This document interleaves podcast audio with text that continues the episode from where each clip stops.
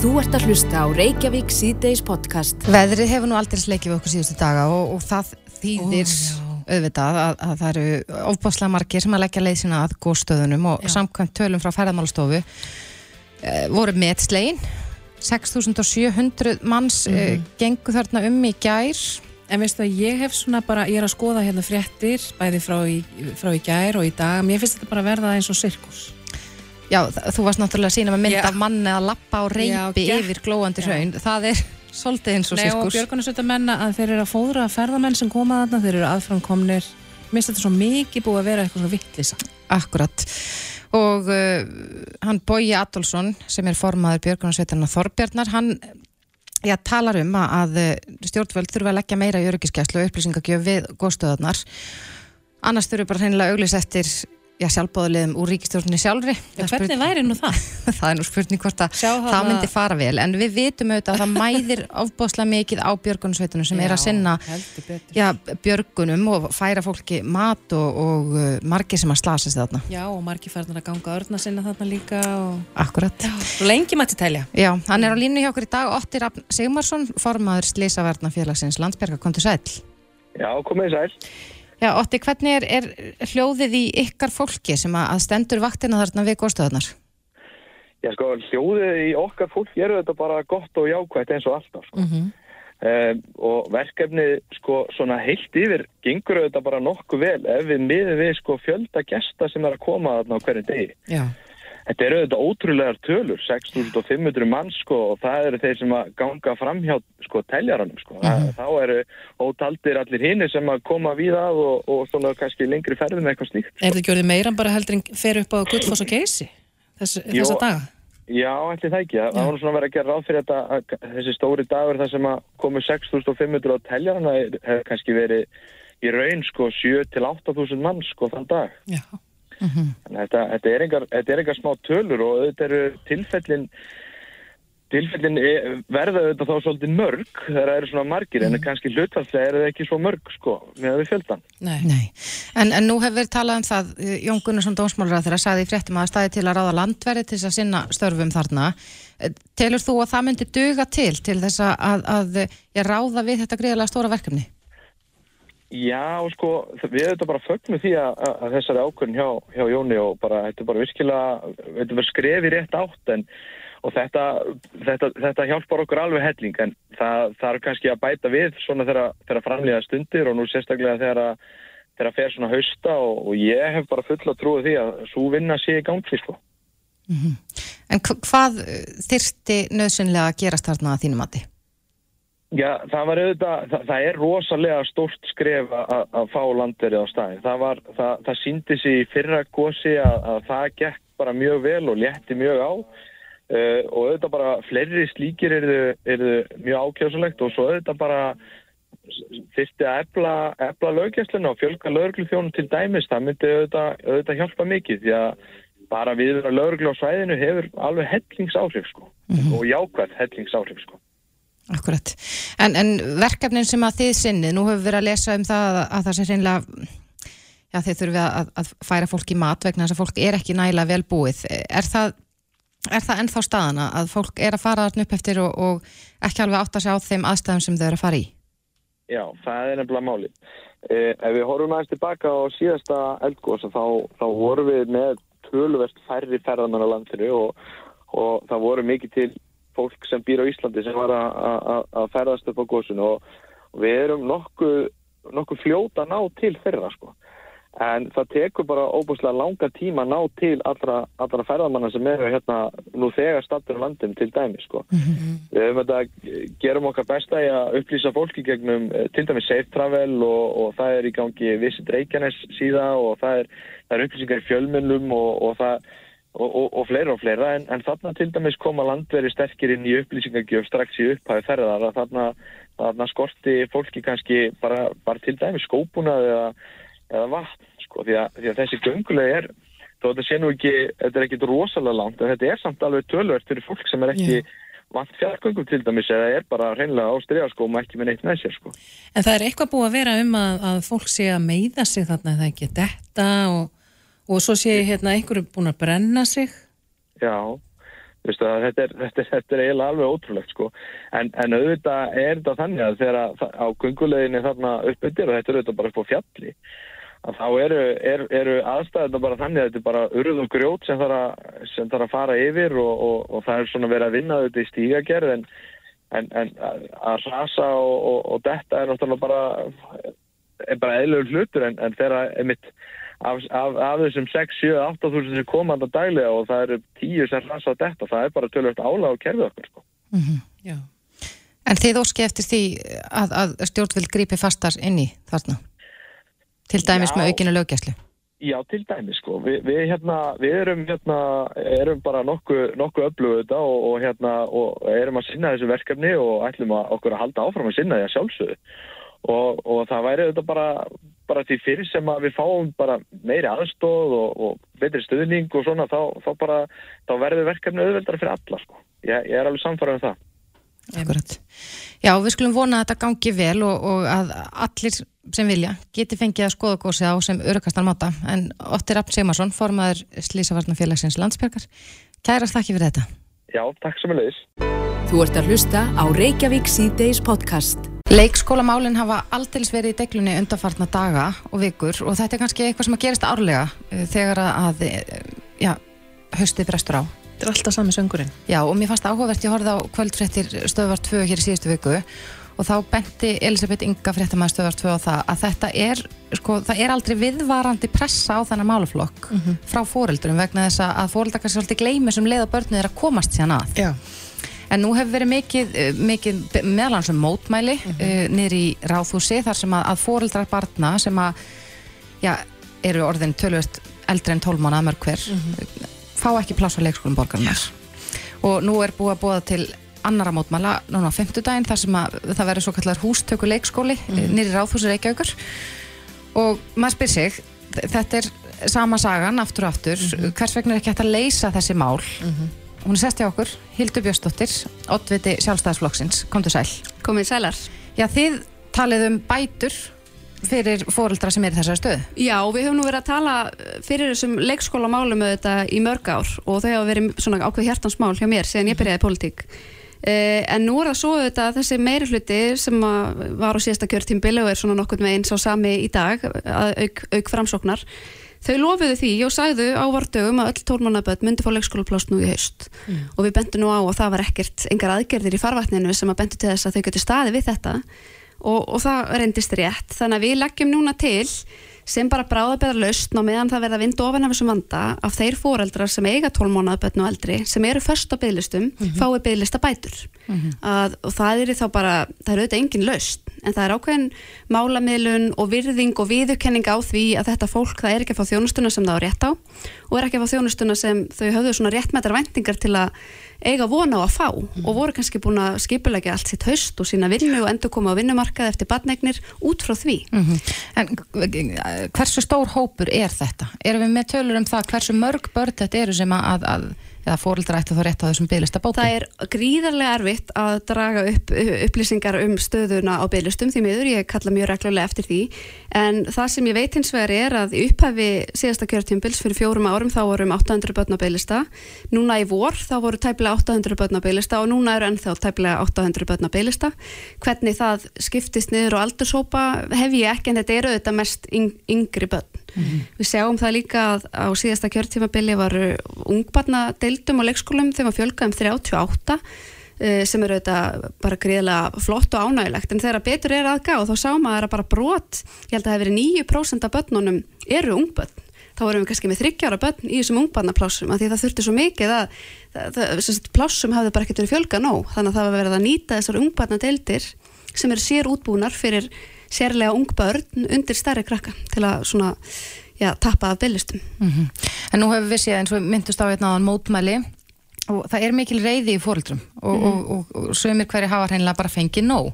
Hvað áhrif tilur þú að þetta geti haft? Núna, þú talaður um hérna að eftir að fólk kemur úr barnegna leifi að það mm -hmm. vil komast aftur út á vinnumarkaðin og nú las ég viðtal við eitt fóröldri í dag þar sem hún sagði hreinlega að, að þetta já, gerir það verkum að, að konur muni bara hennilega að fara aftur inn á heimilin. Mm -hmm.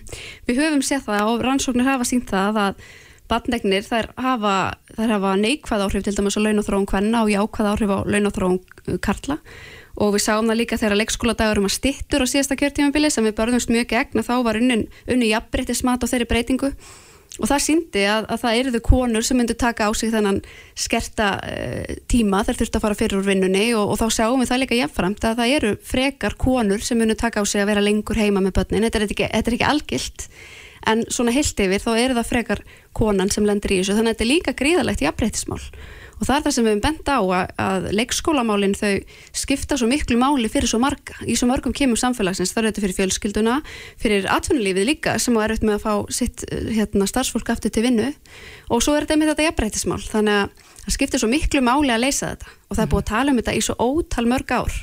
Og það sem ég kannski ekki síst svo svakalega hissa á er að vera svo nýkominu kostningum og nú eru þrýr mánuði leðinir frá kostningum og ég veit það allavega að tala fyrir sjálfa mig og minn hópi sjálfstæðisfloknum að við vorum svo full af eldmóðu ástriðu að við hefðum fekið tækifæri til að komast til áhrifa og verið meiri hluta að þá hefðum við eitt öllu sumrunu í að leita að lausnum til þess að geta staði við lofurðin sem við gáfum. Jábel þó það væri kannski ekki hægt að standa við þau að fullu en allavega kynna einhverja lausnir. Mm -hmm. uh, að því maður eru þetta í stjórnmálum á ástriðu og maður langar að bæta samfélagið að að að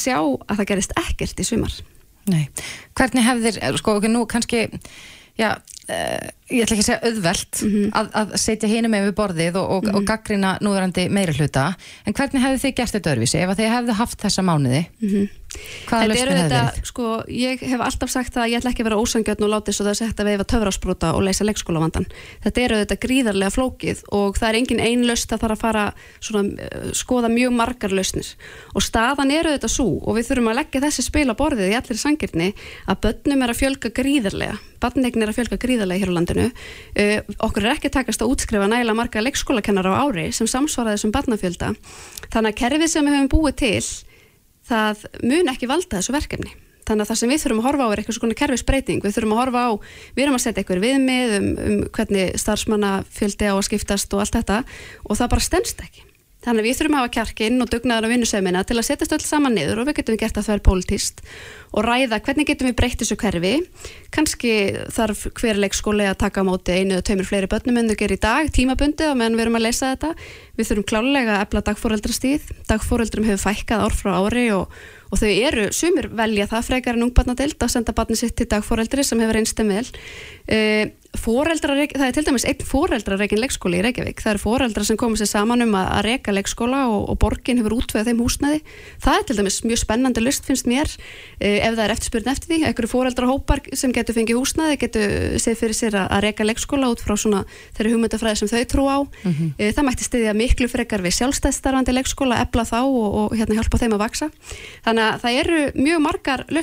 Uh, en, en þetta er ekki þetta er ekki eitthvað töfrasprútamál, þetta er ekki eitthvað sem að leysa á einni nóttu, en það leysist ekki fyrir að við setjumst niður og, og reynum að leysa það mm -hmm. Nú hafa líka einhverju fólkdra bent á það að, að það þurfi kannski svolítið eins og þú ert að ræða um núna að, að hugsa í lausnum uh, til dæmis uh, dæmi um, um ævinn til að borg við nautholsveg þar sem að, að það strandar því að lóðin er ekki tilbúin mm -hmm. en, en lóðin er við, við öskjulíðina mm -hmm. þarf, þarf ekki bara að vinni einhverjum tímaböndum lausnum koma börnunum inn, koma þeim mm -hmm. að hefja starfið og, og ganga svo frá þessum lausendum Jú, ég er þar, mér finnst kerfið vera að þvælast ósæðlega fyrir sjálfu sér í þessu öllu saman og það er ekki hægt að opna leikskóla því það eftir að fá leif, borgina eftir að fá leifi frá sjálfur sér og eitthvað svona. Þannig að mann finnst þetta voðalega sérkennilegt og, og nú, þetta er bara bráðavandi og það hefur reynda verið bráðavandi lengi. og bráðavandi kalla bara á svolítið aðra lausnir en kannski venjulega og við mhm. þurfum bara að leifa okkur að hugsa þetta svolítið skapandi og ganga eins lengra og, og stundum kannski tímabundi slaka örliti á kröfum sem við alla jafna viljum ekki slaka á en, en mér finnst sérkennilegt að borgin leifi sér að bjóða sumum tólmónaðabötnum pláss og öðrum ekki og ég sem lögfræðingur hefur oft spurt mig stendst það bara jafnbræðisreglu að sumbönn fái pláss og önnur ekki en fóröldurum með öllum gert að greiða sama útsvar? Mm -hmm. þannig að við viljum auðvitað geta veitt öllum sömu þjónustuna. Og eins og staðanir í dag að þá erum við með kerfi og viðmið og reglur sem gera verkum að við getum það ekki. Og við verðum að þóra að breyta kerfi sem er ekki að þjón okkur til að við getum þjónusta fjölskyldur í borginni Hefur þú verið í, í samtali við fóreldra sem er í þessari stöðu? Ég er í mjög virku og lifandi samtali við fjölda fóreldra í þessari stöðu. Og við erum að sjá að því nú er talað um öllum 12 mánuða börnum að þetta vera bóðið pláss, við erum að sjá börn sem eru orðin 28 mánuða sem eru loksins að fá pláss núna í höst þannig að eru, það eru margir í miklu vanda. Vandin er mismikill eftir hverfum. Það eru sum hverfi þar sem er mun erfiðar að fá pláss heldur en annar staðar. Er það miðsvæðis í borginni? Já, það, þessi vandi hann á það til að flakka svolítið eftir árum en núna er þetta svona svolítið vestubær, kannski fósfóður, svona ákveðin laugadalur, hverfi sem eru badmörg, það er erfitt að fá pláss þar. Þannig að, en við þurfum að, það sem ég hef saknað líka í kerfinu er að við séum að vinna bara svolítið eftir e, svona spálíkani. Það er ekkert svo flókið að fylgjast með því hvað er börn að fæðast á ári og, og í hvaða hverfum búa þessi börn og hægt að fylgjast með þessari tölfræði. Og það er að undirbúa og skipulegja og ég, ég spurði nú eins og hvort að það er ekki unnið eftir einhverjum svona líkunum og, og hérna, fylgst með tölfræðinni fram í tíman og fólk klóraði sér nú bara í hausnum Já. Hvernig, er, ertu bjart sína það að, að, að þessar byggðlista bætur verða veruleika? Við höfum ekki tekið umræðina, við lögðum þetta fram í borgaráði á fymtudag mm -hmm. uh, og ég vona að hún verði tekið til afgreðslu núna næst á fymtudag þessari viku og þá fáum við svona smá umræðu um þetta þannig ég veit eiginlega ekki alveg hvernig þessu verður tekið En það hafa önnur sveitafjölu farið þessa leið Garðabær fyrir til að mynda þessa leið og, og það er bara ánægja með það og þetta er bara viðkenning á því við ætlum að bjóða þessa þjónustu, við erum búin að lofa þessari þjónustu og ef við stöndum ekki við það þá er þetta rétt að bótum Akkurat. Já, við fylgjumst áfram með þessu Hildur Björnsdóttir, oddviti sjálfstæðarsflokksins Kæra þakki fyrir komuna. Takk fyrir mig. Þetta er Reykjavík C-Days podcast. Við höldum áfram hér í Reykjavík C-Days og ætlum núna aðeins að tala um já, nikotín eitranir. Mm. Undanfarnar daga höfum við séð fréttir af því að, eitrunarmiðstöðu landsbítala er að fá að meðaltali 2-3 símtölu á viku uh, vegna þessa að börn hafa fengið nikotín eitrun. Það er rosalegt. Já, þetta er ekki fyrsta skipti sem við ræðum þetta hér í þessum þætti en, en samkvæmt fréttum dagsins að, að þá hefur ekki dreigið úr tilfellum þrátt fyrir þessi varnarorð frá eitrunar miðstöðinni. Nei. Og það er miður. En á línu hjá okkur í dag er Helena Lindar, livjafræðingur og sérfræðingur í klínískri eituröfnafræði hjá eitrunar miðstöð. Kom til sæl. Góðan daginn, komið sæl. Já, eins og við sögum hérna rétt áðan, Helena, þá, þá hefur ekki dreigið úr tilfellum þrátt fyrir þessi varnarorð ykkar og, og, og fréttum sem að berast af þessu. Er þetta mörg tilfelli sem þið er að fá til ykkar? Já, við erum að fá í hverju viku svona tvö, jafnvel upp í fjögur og, og stundum sex símtöl þar sem að börn hafa mögulega komist í aðalega núna eru þessi nikotín pókar, mm -hmm. svo kallar lumur mm -hmm. sem eru mikið notaður Þannig að börnin komast í þetta bara í fóröldrahúsum og, og stinga þessu upp í sig og þá er voðin vís. Já, Já bæði sé í fóröldrahúsum mm. uh, og líka þar sem fólk hefur gengið ítla frá þessu. Við verðum að fá tilfelli núna undanfarið þar sem að uh, fólk hefur verið að setja notaða póka í góðslöskur og börnin hafa síðan komist í góðslöskurna. Mm -hmm. Það getur töluvert mikið magna af nikotinni leist upp í, svona vökva og barnið tekur góðan að gúlpa því þá getur orðið fyrir eitrun. Akkurat. Og líka bara úti ef þú bara færði út að ganga þá sér það að það eru pókar að við og dreif. Líkli krakkar úti að lappa og, og sjá eitthvað snið, halda þessi namni og stinga upp í sig mm -hmm. við erum að fá til dæmis svo leysning til líka Já. Er, er þetta orðið algengara eftir að, að þessi nikotín púðar urðu algengari? Já, sko, nú, þetta svona kemur bara í bylgjum. Hérna áður fyrr, þá voru þetta náttúrulega aðalega sigarnat sem krakkarnir voru að komast í mm. og, og síðan var að tímabilið mjög mikið hringt út af uh, nikotín tyggjói mm -hmm. og maður þarf aðtöða það að, að sko, eitt uh, fjögur milligramma nikotín tyggjó getur verið mjög skallit fyrir 10 kíló bak. Uh, svo núna síðan komur náttúrulega veipin og, og það er al, alveg rosalega eitrað og mjög slæm tilfelli sem hafa orðið eða krakkar hafa komist í veip mm -hmm. núna í dag eru flest símtölinn út af þessum nikotím pókum Og er þetta þá aðalega börn frá nokkura mánuða, átja mánuða upp í hvað, tveggjára, þryggjára sem við erum að tala um? Þetta eru alveg yngri börn, ég man alveg eftir einu símtali þar sem að, að tali var að tíu mánuða gammal barn það er komist í póka Já. En hvernig, hvernig enkenni hljótast af, ef að, ef að til dæmis, tökum sem dæmi þetta tíu mánuða gamla barn, hvernig lýsið það sér ef að, ef að barni hefur innbyrt, já til dæmis svona póka? Já, þetta hefur mikil áhrif að hjarta og æðakerfið og miðtöðakerfið, getur valdið kröntum og börnin kasta upp og geta fengið mikið höfuverk og svo höfum við séð um, mikið svona munnvastofmyndun, Mm. sleð og ekki svitamyndun og röggl og það er ímislegt, já, það er með þess að krampar og þess að það sem geta Þið sjáu það strax ef þetta er nikotín eitrun. Já, það er eiginlega fyrsta er að þau kasta upp.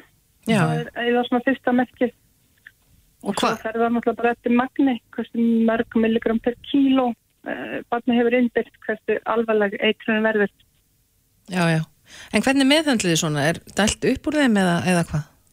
Nei, nei, nei. Það, það er alveg hægt í dag að dæla upp þeim. Uh, flestu tilfellin þá meðhendlu við bara enginin sem koma. En stundum eru lífjapól gefin en það er ekki alltaf mælt með því. En þið bendið, hafið bent á það að, að, að nikotín er auðvitað mjög eitrað. Heldur að fólk sé Já. ekki næla vel átt að, á því hversu eitrað nikotín er?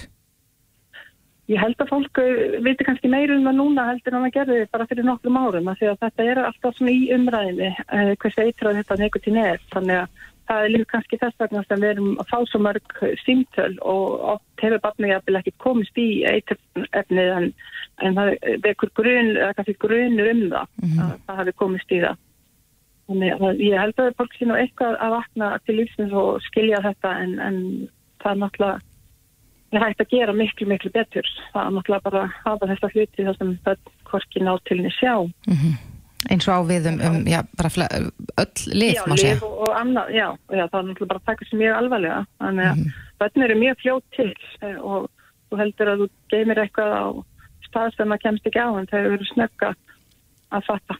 En líka, líka kannski eru svolítið að apa upp eftir Mhm. fullorðnum í kringum sig að þau sjá ítrekkað fullorðna einstaklinga að setja svona nikotínpúða undir nákvæmlega. Spekla sig í fóreldrunum eða þeim sem að þau eru kringum. Já, nákvæmlega og eitt, eitt sem við tölum alltaf um hérna á eitrunarmiðstöðun er að ekki e, láta börn mér að sjá þegar þú ert að taka lif og, og alls ekki klappa og hvetja barnið áfram eða sátt tekur lif því að þá heldur það að það sé að gera svo góða hluti að það fyrir sjálft að reyna að ná í þetta þannig að Já. það er margt sem þarf að huga að. Einmitt. En þú talar um að þið fáið fjölmörg símtöl út af þessu en, en, en þið hljótið að fagna því þó að, að já, kunnáttur hans í orðin þannig hjá fóröldurum að þau leita til ykkar ef grunur leikur um eitrun. Algjörlega, algjörlega og, og við erum mjög ánað með það og, og, og hérna, en ánaðist náttúrulega við þurfum ekki að fá neinsýmtöl en, en algjörlega það er alveg munur á því maður stjæst alveg. Já. En varnar orðarlokum að, að, geima eh, allar nikotínvörur og ásamt öðrum lifjum uh, fjarrri börnum þar sem þau hvorki ná til neð sjá. Nákvæmlega, góð. Er það ekki? Helena Lindahl, livjafræðingur og sérfræðingur í klíniskri eiturefnafræði hjá eitur, eituruna miðstöð. Kæra þakki fyrir þetta. Já, takk sem leiðis. Þetta er Reykjavík C-Days podcast. Það er ekki íkja langt síðan að við fengum til okkar hann Pál Jakob Lindahl sem er doktor í umhverju sálfræði og já, þegar við vorum að spjalla við hann að, að þá byrjaði nú bara því að spyrja hann hvað er umhverju sálfræði, ég hafði ekki heyrst af þessu aður. Nei, það er ekki margir sem vita hvað það er. Nei, en, og ég spurði hann líka sko, er, þetta nýtt fag, en hann sagði að þetta væri bara alls ekki nýtt, Nei, nei. en hann í raun og veru kallaði svolítið eftir því að, að borgaryfirvöld myndu líta meira til þessara þátta við uh, sko þéttingu byggðar til dæmis og uppbyggingu í borginu. Við erum auðvitað að sjá gríðarlega mikla breytingar hérna á Reykjavík og, og öðrum sveitafélögum líka, ekki bara Reykjavíkuborg. Nei. En að, að það væri tímiti komin að fara að líta til þess að umhverfið hefur áhrif á líðan okkar. Já, það er eins og við vitum, það er umhverju hefur áhrif á líðan okkar, hvort sem að það sé innandýra Mm eða utandýra. Akkurat. En uh, nú mun taka til starfa, held ég alveg örglega, um, starfshópur sem mun veita leiðbynningar um uppbyggingu og til dæmis með, með þetta til hliðsjónar. Og hún er sest hjá okkur Alexandra Brím, formaður umhverfis og skipulagsráðsborgarna. Kom til sæl. Hæ og takk fyrir að bjóða mér. Já, bara gaman að fá þig. Uh, Eru þið að, að hlusta á Pál núna og, og taka þessi sjónamið inn í, inn í uppbygginguna? Sko bara algjörlega og þetta, ég tek fram að þetta er eitthvað sem er okkur hjartansmál og ég man sérstaklega þegar við vorum í gang með stefnumótuna vinnu hjá ko- bara löngu fyrir kostningar var, og fengum alls konar sérfræðingar að tala við okkur þá var þetta einn, einn af pólur sem við rættum sérstaklega og fengum einhverjus sálfræðing til að ræða við okkur.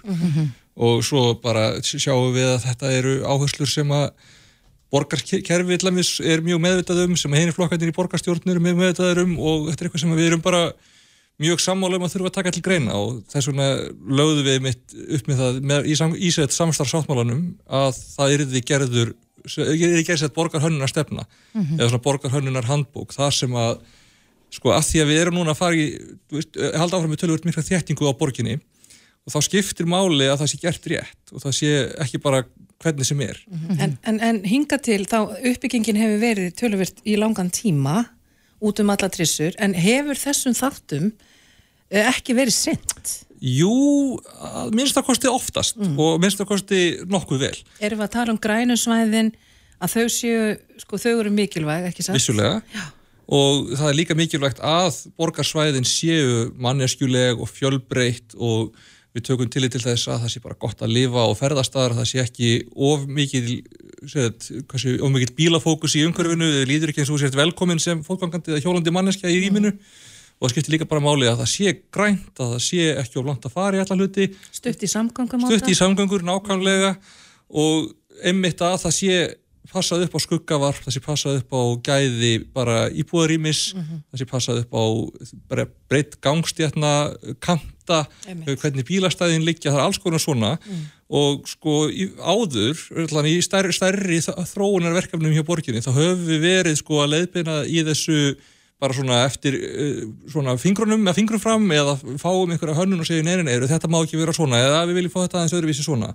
En það tefur sko, þannig að þess vegna erum við, með þá hugmynd að með, ef við erum með forskriftina tilbúna þannig að fólk viti bara, ok, í svona rými þá verðum við að passa upp á uh, bílastæðin sé ekki nema svona svona. Eða já, í svona rými þá verður við svona mikið græntsvæði og eitthvað svoleiðis þá verði í rauninni fljótlegra líka og minna vesjun að hanna þessi svæði af því að í staðin fyrir að við séum eitthvað eftir á að segja nei, heyrðu þið verið að passa á þetta, þá bara veit fólk fyrirfram að hverju það gengur þegar það er að hanna rými. Ég sé hérna víða að það er verið að byggja fjölbíli eins og hérna í, í Dugguvógi Mm? og bara hérna við eh, já, Glæsibæ, sko mér finnst mikið til, sko þess að þessi, þessi fjölbíli þau eru svo þjætt eru þið að horfa kannski til þessa líka eða Já, menna það er í lokk einhverju við tilfelli, lokk, sko. það er skuggi sem veldur, já, já Já, já, og það er eitthvað sem að þarf að vera í þessu og það er eitthvað sem við þurfum að skoða. Stund, stundum sko eru blokkirnar þjættar en eru samt að, en text samt að hanna sig þannig að það séu opin rými, það sé lögunin á þeim passi upp á að sólarljósið sé eins, eins mikið að, og hægt er bara upp á það hvar eru bílin í og milli húsana, Mhm. þú veist, eru þau, að pass, eru þau að taka bara mið af sólarganginum á Íslandi og eitthvað svoleiðis? Og stundum gengur það verð, sumt hefur því miður orðið ofþjætt og þá þurfum við að bara passa það að reyna ekki að endurtaka þau vandamáli, þau mistök í framtíðinni. Og annað er kannski allt í lægi en alveg upp að línunni sko, þannig að við bara þurfum svolítið að í staðin fyrir að þetta sé eitthvað á, hvað segir við, ákveðið að, að, að, að hálfgjörðu handahófi hver, hverju sinni þá bara sé ákveðin stað all fyrir hendi þannig að fólk viti að hverju það gengur Akkurat, þannig að, að við, þegar við rættum hér við Pálum daginn og þá talaði hann um það að, að hjarta hefði verið tekið úr hjartagarðinum til dæmis en, en eh, að, að, hann sagði að það væri svo mikilvægt að ef við værum með svæði Já. sem væri mikið nýtt og mikið sótt að það er þið greint sko hvað er það sem fólk er að sækja í staðin fyrir bara skoða ykkur að handbók sem segir já, þau, fólk hrifst af gósbrunum setjum einn gósbrun þannig að þetta verður þetta metið út frá hverju svæði fyrir sig Já, meina, augljóslega og það, það snýst kannski, það er einmitt ekki bara, þú veist, passa einn gósbrunn per, gósbrunn per 2,5 hektara eða eitthvað svo leiðis, Nei, nei. það, er- það er ekki þannig. Það meira bara hvert svæði þarf að gera ráð fyrir bara ákveð, hvað séu við, ákveð mikilli þjættni, ákveð mikilli, ákveðinu skuggavarpi, uh, bílastæðin þurfa að leggja ákveðin hátt, uh, það er, uh, þarf að vera ákveð mikið að grænum svæðum og það þarf að vera er hver hönnun er samt hvað segir maður sjálfstæðið eininga, þú veist, hún er samt hönnuð út frá aðstæðum á hverju stað. Og það getur alveg verið að einhverju uppfylli skilirði handbókurinnar og samt bara einhvern veginn uh, sé það hálf galið og þá þarf maður samt að pota eitthvað í það sko. Og þú, spyr, þú skrifar, þú ert aldrei fyrirfram búin að uh, skilgreina allar mögulegar aðstæðu sko Er ykkur svæði hérna innan Reykjavíkuborgar sem að þið, já, reynlega bara verðið að endur hanna bara eitthvað nýtt? Já, já, það er alveg hellingur Já. en það er náttúrulega mismunandi Kontum með dæmi, hvað, hvað, Ég Þetta er meina, ekki okkur hugmyndir. sko, með fyrirvara um það að það er auðvitað bara þarf að gerast í samræði við uh, hagaðila og eigendur og alls konar svoleiðist, þá myndi ég segja að augljóst að þetta dæmið er skeifan. já, Það er, það, það er, Ég held að það takki margir undir, undir þar og svo eru líka bara svæði sem að na, uh, hvað sem aður við erum að fara í mikla endur nýjum lífdaga og það er mjög mikilvægt að sé, þetta sé allt á hreinu áður en það farið í það. Mm -hmm. við erum svolítið að líta til sko hönnunarinnar fyrir skerjafjörðin, hún er alveg til fyrirmyndar hvað þetta varðar. Mm. og, og lítum svolítið á hana sem vissa fyrirmynd. En það er líka búið að vera mjög flott hvernig við runnið í vogabiðinni mörguleiti, eh, sumt sem að þurft það náttúrulega Gamlu vogabiðinni þá hér. Er talið sko nýju vogabiðinni sem að við að hanna upp á höfða? Já, og, já. og, og í rauninni bara höfðakverfinu nýja, það sem að öðna, e- e- verður sett bara heilt nýtt hverfi. Uh -huh. Þa, það var mjög flott en sé, það þurfti svolítið að pikka í það en það, er, það lítur vel út í dag. Mm -hmm. En, en eh, já, þú ætlar að setja á lakirna starfsóp hverju verða í, í þessum starfsóp? Það verður sett starfsfólk á sviðinu og uh, fólk sem hefur stekkingu á þessu ég er ekki komið með nöfnin en þá en gerir ráð fyrir því að ég fái erindisbrjöfið og hverja, hverja verða skipaðir í það það er sett munur á starfsóp og stýrihóp er þannig að í stýrihóp er politíkin með fórustu en í starfsóp þá treystu við sér, sérfræðingum fyrir því sem, er, sem vinna hjá borginni. Og þar verða meðal annars umhverfis sálfræðing? Ég bara þekki það ekki en ég myndi nú kannski ekki ráð fyrir því en ég bara get ekki svaraði, það En hvað með svona eins og þú sagði ráðan að, að þið ætli jafnvel að taka önnur hverfi og kannski aðeins að flikka upp á þau. Hvað með uh, að hafa hugmyndabanka fyrir fólk íbúa sem býr með því að kannski vill að fá ykkur ákveðna þjónustu, hvað með það? Það er alveg frábær hugmynd. Rýmar líka vel við það hvernig við höfum verið að hugsa sko hverfiskipulagi. Íbúan líðræði, heitir það ekki? Það heitir það Já. og ég, við bara elskum það. Já. En ég ætla samt að taka fram að við höfum verið að líta mjög sterkt til þessa í hverjuskipulaginu og það sem, við, það sem við erum komið með hverjuskipulag í árbænum og í breiðholtinu og það sem er í vinslu núna í öðna, uh, hlýðunum þar er, nei í öðna, hvað ætla ég að segja bú, við kringum bústæðveginn og þar, þar Já. erum við að líta mjög sterkt til þess hvað íbúinir vilja Mm. og við erum að líta til þess að það séu svona hverfiskjarnar á hverjum stað og Já, séu verslanir. borgargötur, verslanir Já. Það sé ekki bara, þjætting byggðar er ekki bara þjættingnir í 101, þjætting byggðar er líka úti í hverfunum Það er og, útkverfið að núti líka og fólk sem býr þar. Já, og Það, við viljum að það sé öflug uppbygging í hverju hverfi, við erum líka að plana þjættingu núna upp í Kjalanesi Já. og bara það skiptir máli að þetta sé þannig að það þjóni öllum hverfunum, þannig að fólk geti sótt nærþjónustu, þannig að það sé nægilega mikið af íbúðum á hverju, hverjum staða til þess að standa undir bara þessari nærþjónustu sem fólk vil hafa nálægt sér til að verslanir og þjónusta sjáu sér stætt að vera nálægt það er, þú veist, ef þú ert með 5.000 manns í 500 göngufæri þá er sennilegra að það vil ykkur vera þar heldur en ef það eru 50 manns í 500 göngufæri eða þannig. En þetta lítur líka rýma vel við, við já, svona samgöngustefnuna að fólk geti sótt uh, flest í sitt nærumhverju. Algjörlega og það er algjörlega í samræmi við sko bæði samgöngustefnu og aðarskipulag. Við erum að hugsa borgina þannig að við draugum til dæmis úr trafík meðalans með því að hugsa þannig að, þessi, þjó, þannig að þjónusta sé í göngu eða hjólafæri þannig að borgarlínan sé í auðveldu göng, göngufæri eða hjólafæri þannig að þú þurfur ekki að fara eh, þannig að þú getur fækka þeim bílferðum sem Já. þú ferð okkur einn degi þó að þú kannski hættir ekki að nota bílinn þá að minnstakosti er ekki nöðislegt að fara sérferð með barni á leikskóla, sérferð með barnið í grunnskóla, sérferð út í bút og sérferð til tannlægnis, eða þú veist að sumt að ég er kannski bara í göngufæri. Þetta er bara drauma uppskrift að góðu hverfi. Þetta er það nefnilega. Já. Það verður spennandi að sjá framkvæmdina. Þetta verður bara mjög spennandi sko. Ég hlakka til að sjá hvernig borgarhunna stefna lítur út þegar hún er tilbúin. Já. Alessandra Brím, formaður umhverfis og skipularsráðs. Kæra þakki fyrir komuna. Bara takk hérlega fyrir að bjóða mér. Vertu með í umræðinni. Reykjavík síðdeis á bylgjunni. Bylgjan. Bylgjan. Hvernig væri að taka krakkana með í fróðudisko fyrir bílinn á bílaþvöttastöð Löðurs út á Granda eða á Dalvegi? Löður. Náttúran. Beint í æð. Reykjavík síðdeis á bylgjunni podcast. Jæja, við eh, rættum hér fyrir einhverjum mánuðum síðan við prest í Grafáskirkju þar sem að þau auglustu svona skyndi brúðköp. Fólk gætt bara mætt og, og látið pússa sér saman Já. í Grafáskirkju. Nú rákust við á það að siðment er að fara að bjóða upp á ókeppis hjónavíkslur næsta mándag, Já. 22. ágúst. Þetta er sniðugt. Já, þetta er kannski bara eins og, eins og segir hérna í sko, þau- deildu þessu inn á, inn á um, Facebook síðinu sinni Já. að nú er tækifæri til þess að gifta sig uh, og þau bjóða kærustupurum, minnst þú krútlilt að segja kærustupur Já.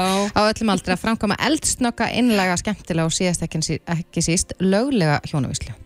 Að- kostnaða laus. Já, ko- kostar ekki alltaf að gifta sig, ég veit ekki, ég hef aldrei verið gift. Jú, jú, þetta kostar allt. Það er, uh, ég held að sé nálat 50.000 Já, að að gifta sig í kirkju. Akkurat, en hún er á línu hjá okkur í dag, Inga Auðbjörg Strömland, formaði siðmentar, kom til sælinga. Já, halló, halló. Er, er, það, er það venjana að, að svona hjónavísla kosti ekki neitt?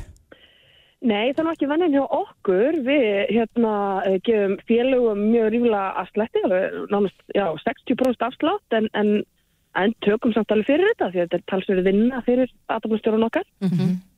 En uh, á mánudaginn langar okkur að að bjóða upp á þetta bara, já, frítt, bæði fyrir félaga og, og önnur, það því að okkur svona langar að kvita til þess að fólk drífi í þessu, það er svo mörg sem hafa látið þetta sitja á hakanum í gegnum þennan heimsvaraldur og allt það, Jú, jú. alltaf býðast fyrir að, að geta haldið stóru veisluna með pinnutuna og tequilanu og öllu því, en, en það er bara svo mikil lagalega réttingti sem að maður einhvern veginn fær við það að gifta Já, sig ég ætlaði með þetta að spurja því að því Já. það er svo margi núna, unga fólki í dag að segja Nei, það hefur ekkit upp á sig að gifta sig, ég veit ekki til hvers við gerum bara kaupmála en um, þú mælir semst með því að fólk gerir þetta upp á lagaleg réttindi Já. og ástarinnar vegna náttúrulega, hvernig læt Já, ég? fyrst og fremst, fyrst og fremst ástarinnar vegna en, uh, og, og ég er náttúrulega ekki lögfræðingur en, en við heyrum náttúrulega að því að fólk er að lenda í eh, getur lenda í ymsu ef að hérna ef að, að pör, sérstaklega eru börn eða íbúð í spilinu.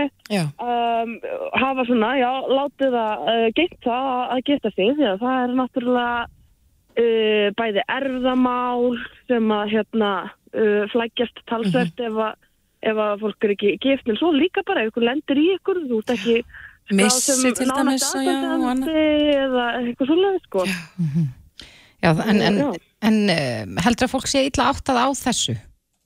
Svona almennt? Í, almennt held ég að, að mörg pör hugsi eh, sem svo að, að sambúð sé nú cirka það sama. Einmitt. sambúð eftir einhver ár hljóti nú að, að hérna, hafa tikkað í ykkur bóks, en það er ekki þannig. Mhm. Uh, En- Þetta er hérna fyrst og fremst lagalegu gjörningur þó að, að, að þetta komið svona lífskonafélög eins og siðment og svo trúfélög eins og kirkjan og allt það og reyna að sveipa þetta einhverjum öðrum blæ og, og gefa þessu innihaldi þá er þetta náttúrulega, já, fyrst og fremst lagalegur samningur. En, en hvernig er hjónavísla hjá siðment ólík, já til dæmis bara aðtöfni og síslumanni eða jafnvel í kirkju? Uh, okkar svona, uh, já, okkar framlag er að leggja talsveit mikla vinnu í það að klæðskera sníðast.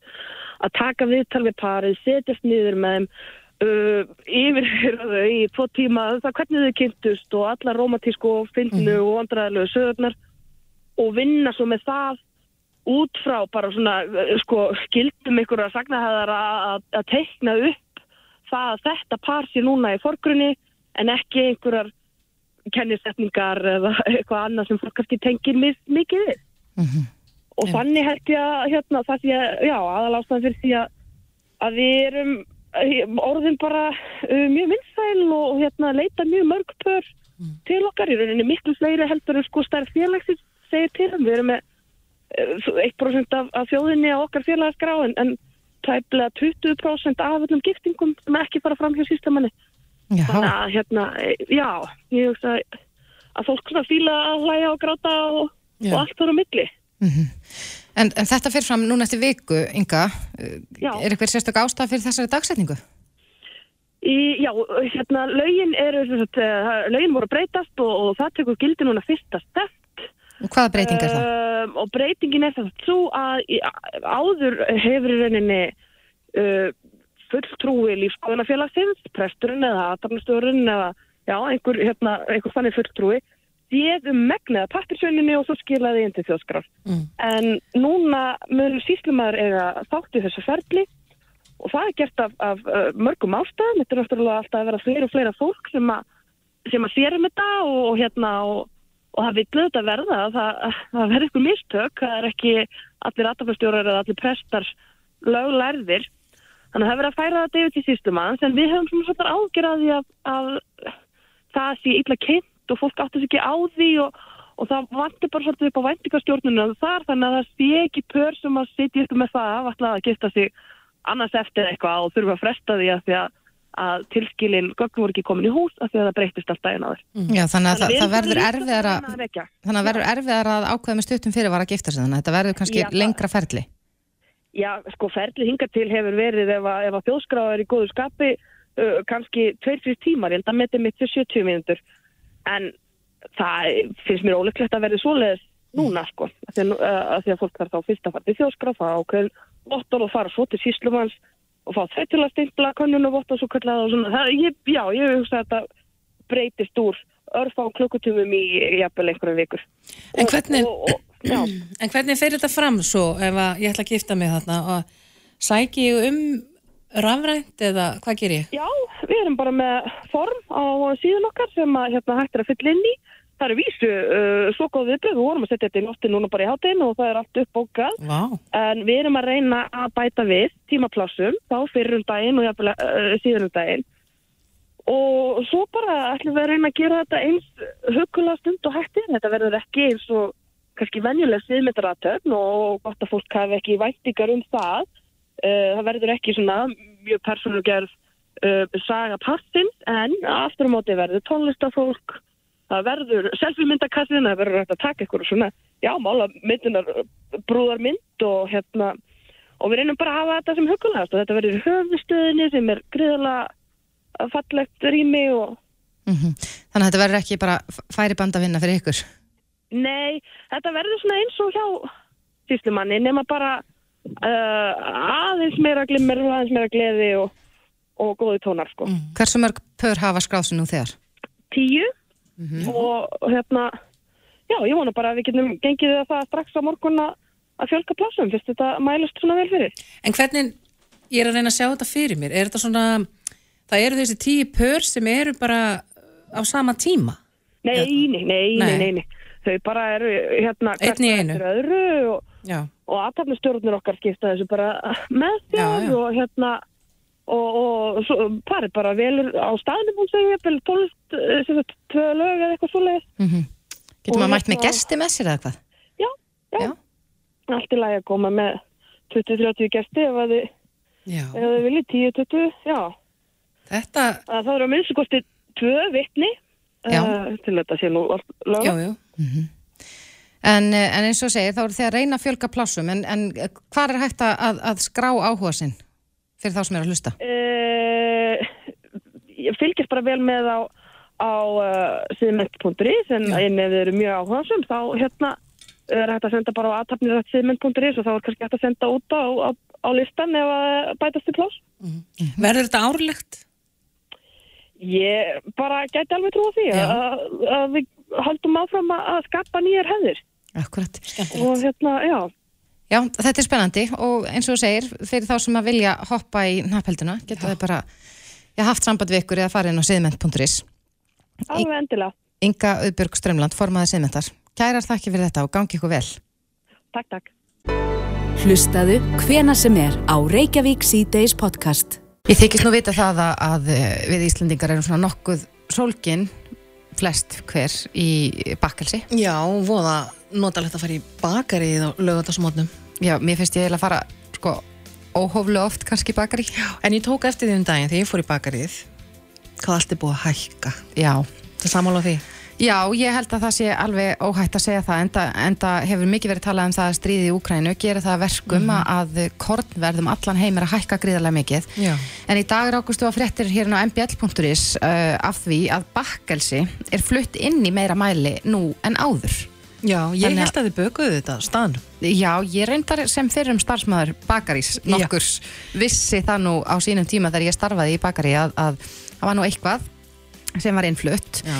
en uh, innflutningur á bakkelsi voru á síðasta, var á síðasta ári uh, tæplega 4200 tonn Já. og sko samanborið við já, 2000 tonn fyrir 10 árum síðan þannig að þetta er búið að tvöfaldast Á línunni hjá okkur í dag er hann Sigurður Már Guðjónsson formaður landsambands bakarameistara kom til sæl Sigurður Sælar. Já, Sigurður, hvað hva veldur þessari gríðarlegu aukningu? Við erum að flytja inn, inn rúmlega, já, tæplega 4200 tonn í fyrra samanboru við eh, 2000 tonn fyrir 10 árum síðan. Ekki við að borða svona mikið meira þetta. Já, það er líklegast, kannski stæðsti faktorun er, eru ferðarmenn. Já, Fle, fleiri munnar til að fóra. akkurat. En, en uh, nú, kannski hjælt maður, bara svona sem hinn almenni neytandi að, að ef maður gengur inn í bakari að flest væri nú já, búið til þar. Er, er það að færast í aukana að bakar í selji innflutt, innfluttar vörur þar? Ég held að þessi fara að draga úr því aftur.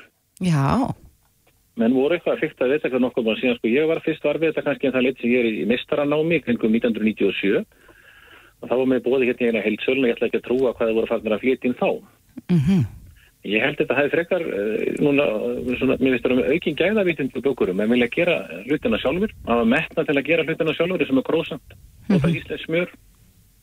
Það var einkennilegt að það er flutt hér inn í tonnavís uh, franst krósant til dæmis með frönsku smjöri. Mm. Þetta er tollfrálst en ef íslensku bakari eða íslensku yðinfyrirtæki ætlaði að kaupa þetta sama smjör að þá er þá heiminn háum verðatollum. já, Ekki það ég, vel að sjálfsögðu við styrir íslenska bændur en það ætti kannski þetta innflutta bakilsi þá að vera með vendartoll á móti sko. Já. Það er bara að fá ásíðan að þetta var tekið af. já. En, en er þetta aðalega einhverja svona nokkrar tegundur sem eru fluttar inn í svona st- stórum stíl eins og þú talar um croissant og, og ég þykist nú vita að margir kleinurringir eru fluttir hingaðinn? Já, líklegast en, en þetta er, það er bara svo mikið fluttin. Það eru, það eru pizzastæði sem falla pizzabotna. Það er smjördig, bagett, þetta er allt, þetta er, þetta er greiðalt. Mest af þessi fyrir náttúrulega veitinghásinni kringu ferðamanni. En það er greinlegt að það er meiri hluti sem er þá fluttur inn. Hvað er það sem er bakað já, á staðnum, eins og maður segir, í bakaríunum hér? Ja, öll brauð og allt. Rústikki í vínabrauð. Og ég, eh, maður var að spurða það sko, akkur með það við líklegast vegna þess að það hefur verið mannekla og svo er þetta framleitt í, í, á, og bóða slíku verðum. Það er ekki hægt að framleiða þess að vöru ódýrar á Íslandi. Já, þannig að það er í einhverjum tilfellum, uh, ég tölvist ódýrar jafnvel að flytja inn tilbúin, tilbúið bakkelsi heldur en að baka það á staðnum. Ég fór að velta fyrir mig sem innflutningi þegar morgunblæði hafði þess að fyrst samband við með á þriðudaginn og sko stæðst, stæðsta bakar í Evrópu heitir Artseta sem er í Æslipen í gamla Östuðískalandi þeir framlega 10 miljónir rúmstekja á dag. Framlega getanir 330.000 tonn. Getur þú sett það í samhengi við okkur við, við framleyslu getur í venilegu bakari á Íslandi? Þetta er bara, þeir nota bara á hverjum degi eða, eða nokkað það fresti heilda notkun af alls íslenska bakar bara svo kveiti Já. Já, þetta er svo yfirgengilega stærðir það eru margar svona vestmjöður í Evrópu Mhm. þetta eru 23 uh, hérna, 23 vörulínur sem eru, eru það kemur nánast ekki mannsend nálættis Nei, akkurat. En, en ég myndist nú að, á það hérna áðan að mér, ég svona finn það svona svolítið á mér að það eru margir sólgnir í bakarismat, ég ætla ekki að alhæfa að það séu allir, en, en síðan eru ymsar nýjungar og, og, og kannski svona tískusveiflur í bakarismenningunni. Mm. Er ekki íslensk bakari bara mjög góð ef maður ber þau saman við, við kannski nágrann þjóður okkar? Já, ánægilegt að segja frá því að í fyrsta skipti í Skandinavíu þá eru alheimsting bakar á klökugerðar haldi hér á Íslandi 10. september þeir velja að koma til Íslands Já. og hér verið bakari ársins og konditor ársins krimdil Já, og hérna, þannig að þeir horfa til okkar að þetta er um fyrsta Norðalanda fyrsta, fyrsta Norðalandi sem að færa að halda þetta alheimsting Mm. Eru kleinur sér íslenskt fyrirbæri, þetta með uh, möndlubræðinu? Ég Er- kannski í þessari íslensku starf en þetta er framleitt í Danmörku og Svíþjóð og, og, og Þískalandi en þá er það fyrst vera minni kannski líkari þessi sem að fara í pókonum hérna heima Mm. En, en eh, já, ég held að, að þegar maður les þessa fréttir að bakkelsi sé flutt inn í meira mæli nú en áður, þetta þýðir samt ekki að, að við séum að fá já, verri vöru í bakaríum, metnaðurinn er enn mikill fyrir, fyrir því að baka á staðnum. sko, eh, sko ég spurði hérna stórt handelsbakari hvað þeir væri að nota mikið að bake-off eða þessari frosnuvöru það er 2% þeirra heildarveld Mm þetta er ekki meira. Nei, en bensinstöðunar og þetta ég myndi halda stórhluta því væri og það er í stórhluti í stórmörkuðunum fluttur inn. Það er í sjálf og sér ekkit aðeins þegar vöru ný bakari en það er eitt sem var í fréttum með dæmi í Þýskalandi þeir eru búin að fatta það að það er náttúrulega skilda að tilgreina á innihaldslýsingu hvað er í vörunni Já. þeir eru búin að fatta það að þið setja nógu lítið magna rótarbrennum og nógu marga tegundi þá komast þeir fram hjá reglugjörðinni þannig að þetta er stútfullt af alls konar efnum. en þeir eru nýbúin að fatta þetta og þessi verða að fara, fara þessa leið að setja bara snefil efni á nógu mörgum tegundum á rótarbrennum En hvernig á ég sem neytandi, því ég lappin í bakari, að, að gera greinamun á því hvað er, hvað er sko baka á staðnum og hvað er innflutt? Það er skilda samkvæmt lögum, reglugessan 2014 sem er sett hér á, á grundalli Evrópur reglugerðar að uppruna merkja matvæli. En ég svona, þykist nú vita að það er ekki allir sem gera það. Í síðast þegar ég þvældist í bakaramestarun og þá sá ég það. Já. En þeir eru allavega, það sem ég hef séð, þar eru þeir að framfylgja þessar reglur. En hérna, hvernig er þetta þegar þeir eru að flytja svona mikið inn? Um, hvernig fer þetta, er þetta ekki bara að ganga frá bökurunum? Er það ekki bara miklu minna fyrir þá að gera og er eins mikil aðsókn í bakaramistaran eða bakaran eins og hefur verið síðan 20 ár, 10 ár?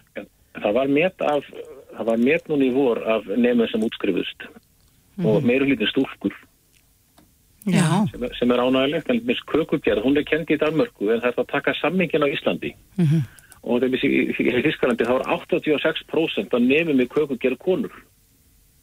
Það er kannski ástæðan fyrir meira hluta á konum í bakaræðin á Íslandi að það verða þetta í Danmörkur eða vilja læra kökugerð sko.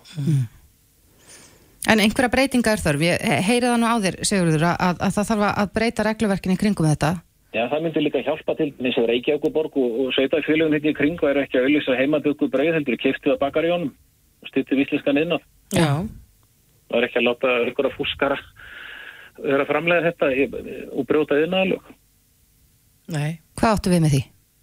Já, þetta er bakaræðinu lögildingri Mm -hmm. og hann með engi starra vinn nema þeir sem hafa uh, mentun í greininni. Þannig að það verður að fara þennan sjölaugildra eingreina. Já, já, en ég er, ég er hins vegar ánað að heyra það að þetta er lítið prósent af, af uh, heldarframlustinni. Ég það er mikið innflutt í landsins en það er lítið í bakaröfna þessu. Já. Nánast ekkert. Mm Akkurat. Já, Sigurður Már Guðjónsson, formaður landsabands bakarameistara, kærar þakkir fyrir spjallið. Takk hérlega sem leiðis.